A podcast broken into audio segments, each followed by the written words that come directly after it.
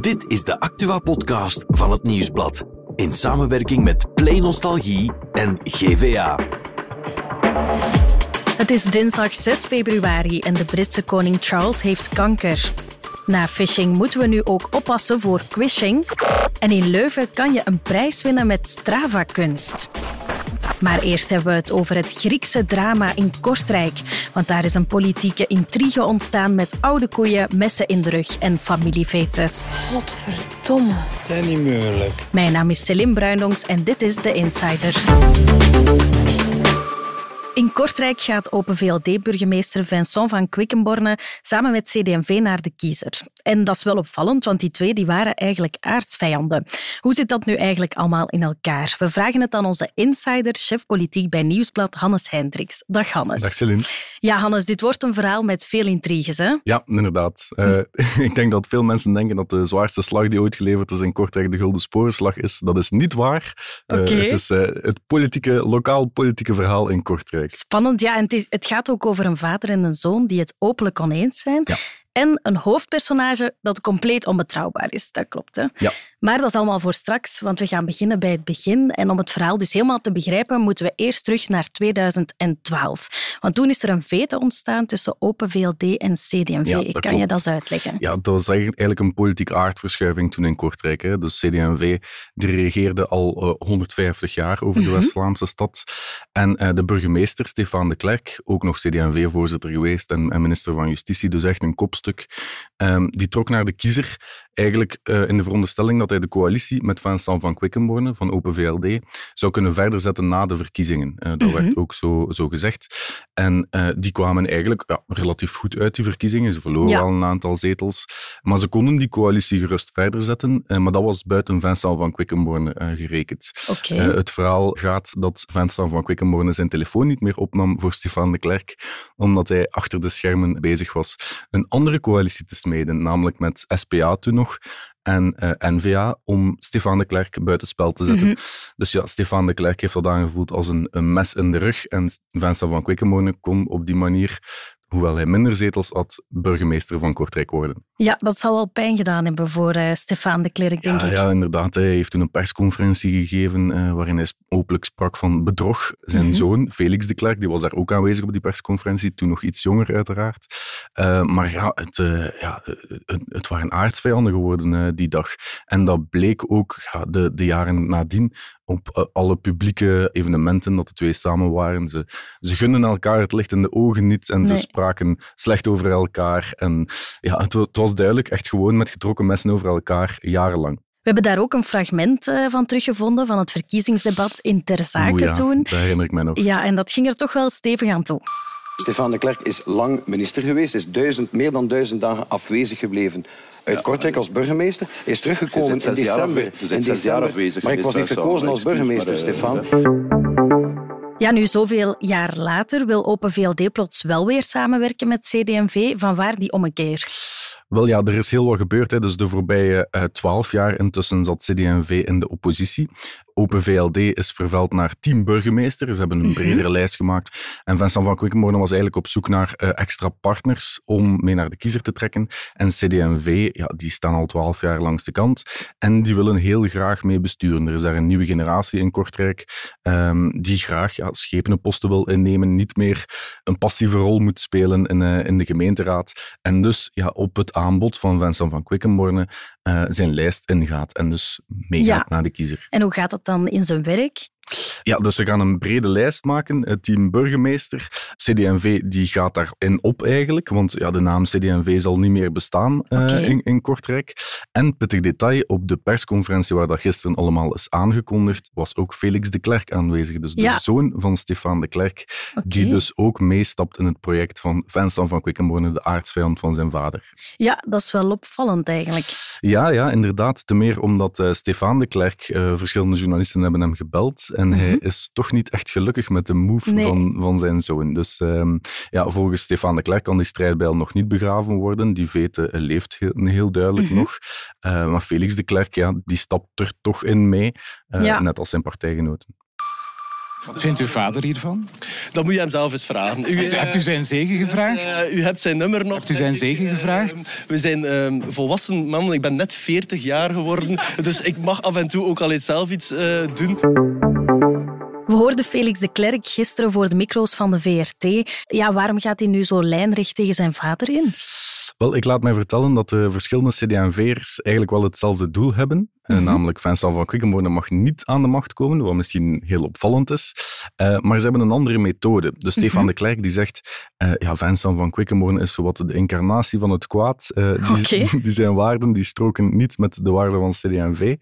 Uh, dus we gaan daar gewoon niet mee samenwerken. Mm -hmm. Zo'n Felix die maakt een andere afweging. Uh, die ja, bouwt eigenlijk de redenering op van kijk, we, we, zijn er beter bij, zodat we van, van binnenuit iets kunnen veranderen. Mm -hmm. En dat van binnenuit iets veranderen, dat is eigenlijk, ja, spitst zich dan vooral toe op de kwestie wie er burgemeester wordt. Okay. Want dat is wel heel opvallend. Uh, op de persconferentie gisteren is niet aangekondigd wie er lijsttrekker wordt van mm -hmm. team burgemeester. Dus niet dat Vincent van Quickenborne lijsttrekker wordt, ook niet iemand anders. Die iemand anders zou wel eens Ruud van den Bergen kunnen zijn.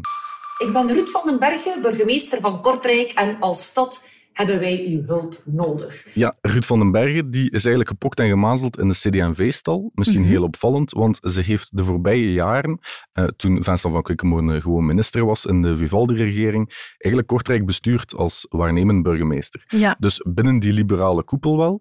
Maar de CD&V'ers die zijn daar eigenlijk heel content van. Ja. En met haar zijn de gesprekken opgestart om dus samen naar de kiezer te trekken toen Van Quickenborne mm-hmm. nog in Brussel zat. Dus wat een heel belangrijk aspect is aan dit verhaal, want ik hoor verschillende CD&V'ers zeggen, ja, eigenlijk willen wij dat Ruud van den Bergen de volgende burgemeester van Kortrijk wordt. Mm-hmm. En uh, dat zij hun stemmen eigenlijk kunnen kanaliseren naar Ruud van den Berg ja. en dus niet naar Vincent van Quickenborne. Dus ja, om nu zomaar te zeggen dat er een grote familievete is binnen de familie de Klerk, dat is ook niet waar. Um, nee. Want Felix de Klerk, ja, die zou wel eens vol voor Ruud van den Berg kunnen beginnen rijden. Mhm. En uh, net als zijn partijgenoten trouwens, en niet per se voor Vincent van Quickenborne. Maar Stefan de Klerk die gelooft daar dan in, dat dat ja, gaat nee, gebeuren? inderdaad. of? Ik heb Stefan de Klerk gisteren gebeld en hij zei, dat is met zoveel woorden, van ja, Felix de Klerk die uh, bewandelt de strategie van binnenuit, zoals Mhm. het dan genoemd wordt. Maar Stefan de Klerk zegt, ja, Vincent van Quickenborne, die is zo gewikst, dat is echt een, eh, een raspoliticus. Hij noemt het plan van zijn zoon en van de jonge generatie partijgenoten uh, iets wat naïef. Hij bouwt de redenering op uh, Vincent van Quickenborne, die, die zal het laken wel naar zich toetrekken en zal zichzelf wat tot lijsttrekker uitroepen. Trouwens, gisteren op de persconferentie bleek dat ook uh, redelijk duidelijk. Ja? Of was dat pijnlijk duidelijk? Um, omdat er, er was afgesproken dat Vincent van Quickenborne eigenlijk niet een te prominente rol zou krijgen Mhm, op die persconferentie. En ook dat het CD&V-logo daar ergens uh, zou Ja, tussen staan. Maar dat was niet te zien. Maar Of- het was inderdaad niet te Ah, zien. ja. Geen CD&V-logo. En Vincent van Quickenborne eh, eh, trok alle aandacht naar zich toe. Alle camera's, de Mhm. micro stond voor hem gericht. Het was de grote Vincent van. Quickenborne-show. Tot grote frustratie van ook trouwens Felix de Klerk, die achter Ja. hem stond iets wat treurig te wezen. Ja, want zijn vader krijgt zo eigenlijk gelijk. Wel, op dit moment krijgt zijn vader gelijk. Maar dat is ook wel het interessante aan dit verhaal. Dat het, ehm, ja, het, het loopt nog niet op zijn einde. Net Mhm. omdat er nog geen lijsttrekker is aangeduid. Ik hoor nu toch verschillende CD&V'ers plannetjes uitdokteren eh, om ja, te, te verhinderen eigenlijk dat Vincent van Quickenborne die lijst eh, gaat trekken. Er wordt ook openlijk gespeculeerd over ja, eh, bepaalde feestjes die er zijn gebeurd eh, door Ja. Vincent van Quickenborne. Herinner u het, eh, het eh, corona-lockdown-feestje?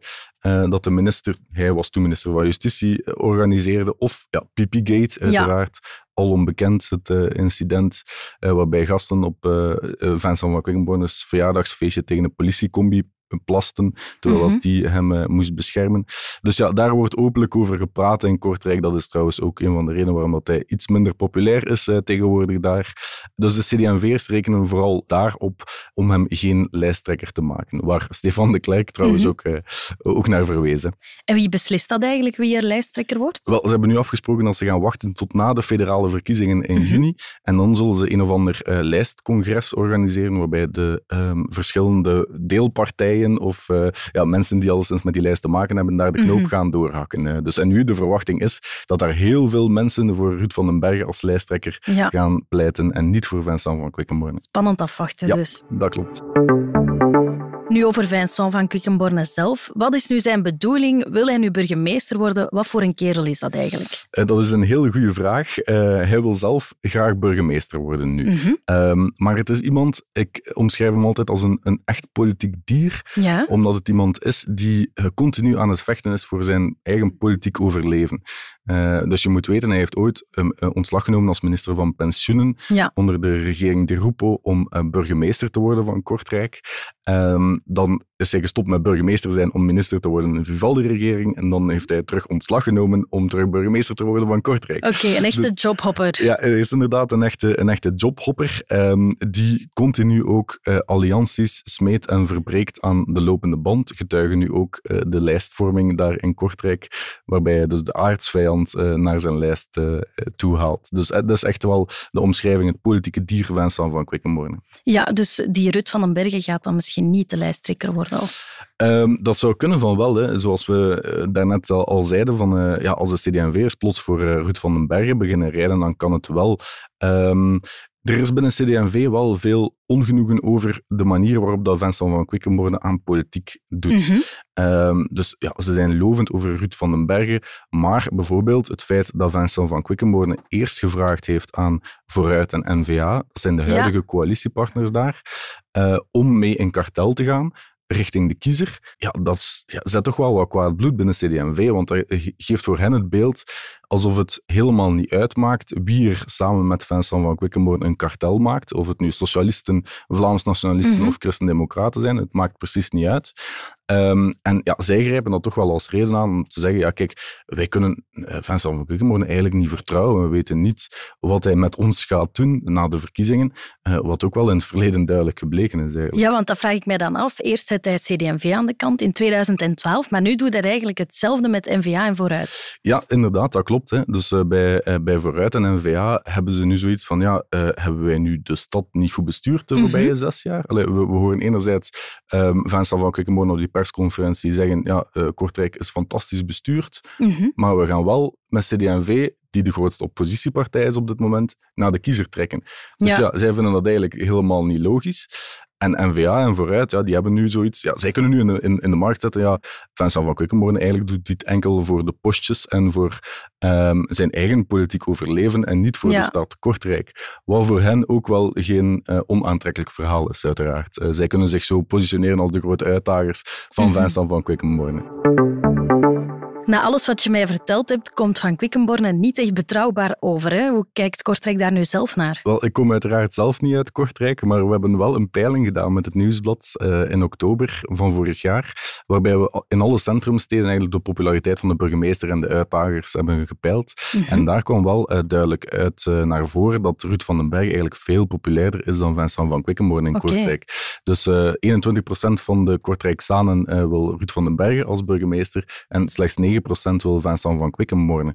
En ik heb dat eens voorgelegd aan politicoloog Nicolas Boeteka, die zelf in Kortrijk woont. En ja, hij voelt dat ook wel op de, op de uh, straten van Kortrijk, of in de straten van Kortrijk liever, um, dat Van den Berg gewoon veel populairder is en dat Vincent van Quickenborne een serieuze knauw heeft gekregen uh, door ja, de vele schandaaltjes Mhm. ook rond zijn persoon en door de vele politieke moves, dat hij daarvoor nu echt aan het vechten is voor zijn politiek overleven. Ja, en Rut van den Bergen zelf, hoe kijkt hij daarnaar? Wel, interessante vraag. Uh, want ja, Ruud van den Bergen, dat is eigenlijk, eh, zoals ik al zei, de nummer twee altijd geweest achter Vincent van Quickenborne.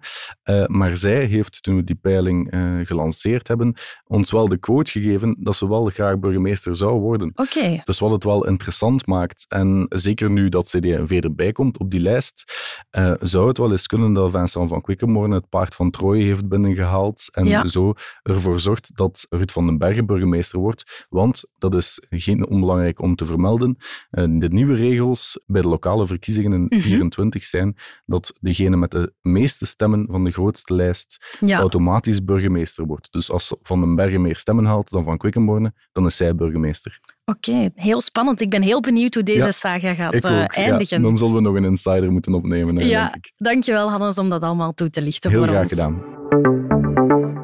En er is ook nog ander nieuws en daarom is Nathalie erbij komen zitten. Dag Nathalie. Dag Celine. Ja, we beginnen met slecht nieuws vanuit het Verenigd Koninkrijk, want koning Charles die heeft kanker. Ja, was op zijn 74ste op de troon, nog een jaar later die diagnose gekregen. Mhm. Het zou niet om prostaatkanker gaan, dat werd eerst gedacht omdat hij geopereerd moest worden aan zijn prostaat. Mhm. Maar tijdens die ziekenhuisopname werd er een afzonderlijk probleem opgemerkt. Ehm, alleen ja, ze zeggen niet over welke kanker het dan zou gaan. En dat doen ze Mhm. bewust, want dan slaat iedereen aan het googelen en heeft iedereen daar een mening over.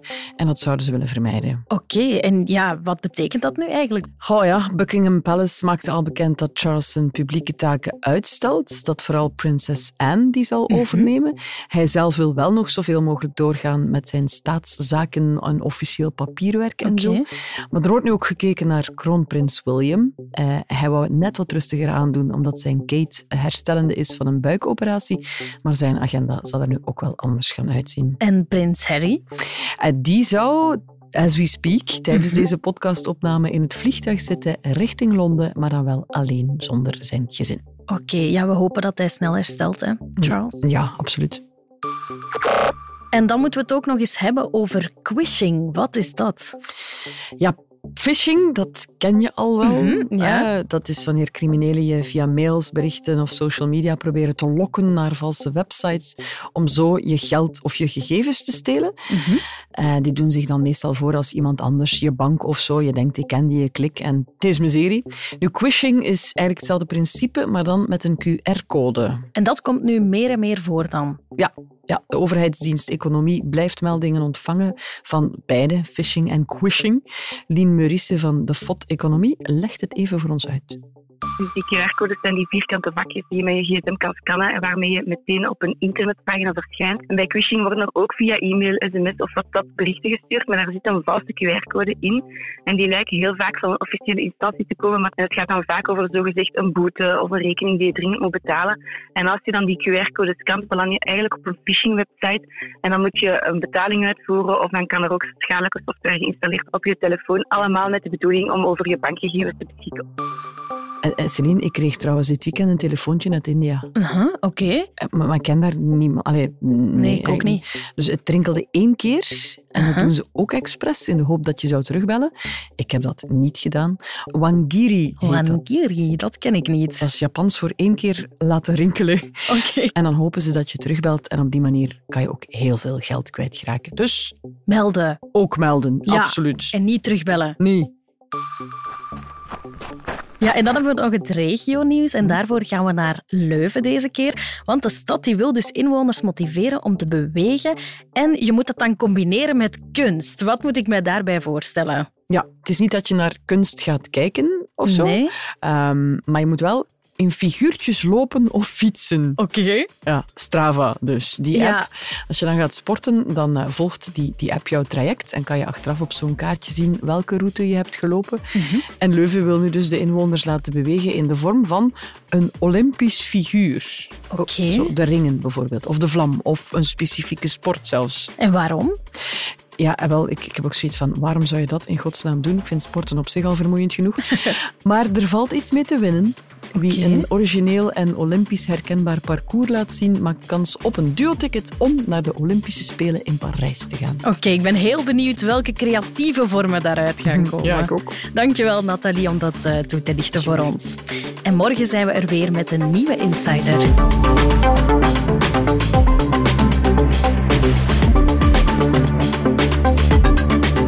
The Insider, een podcast van het Nieuwsblad in samenwerking met Play Nostalgie en GVA.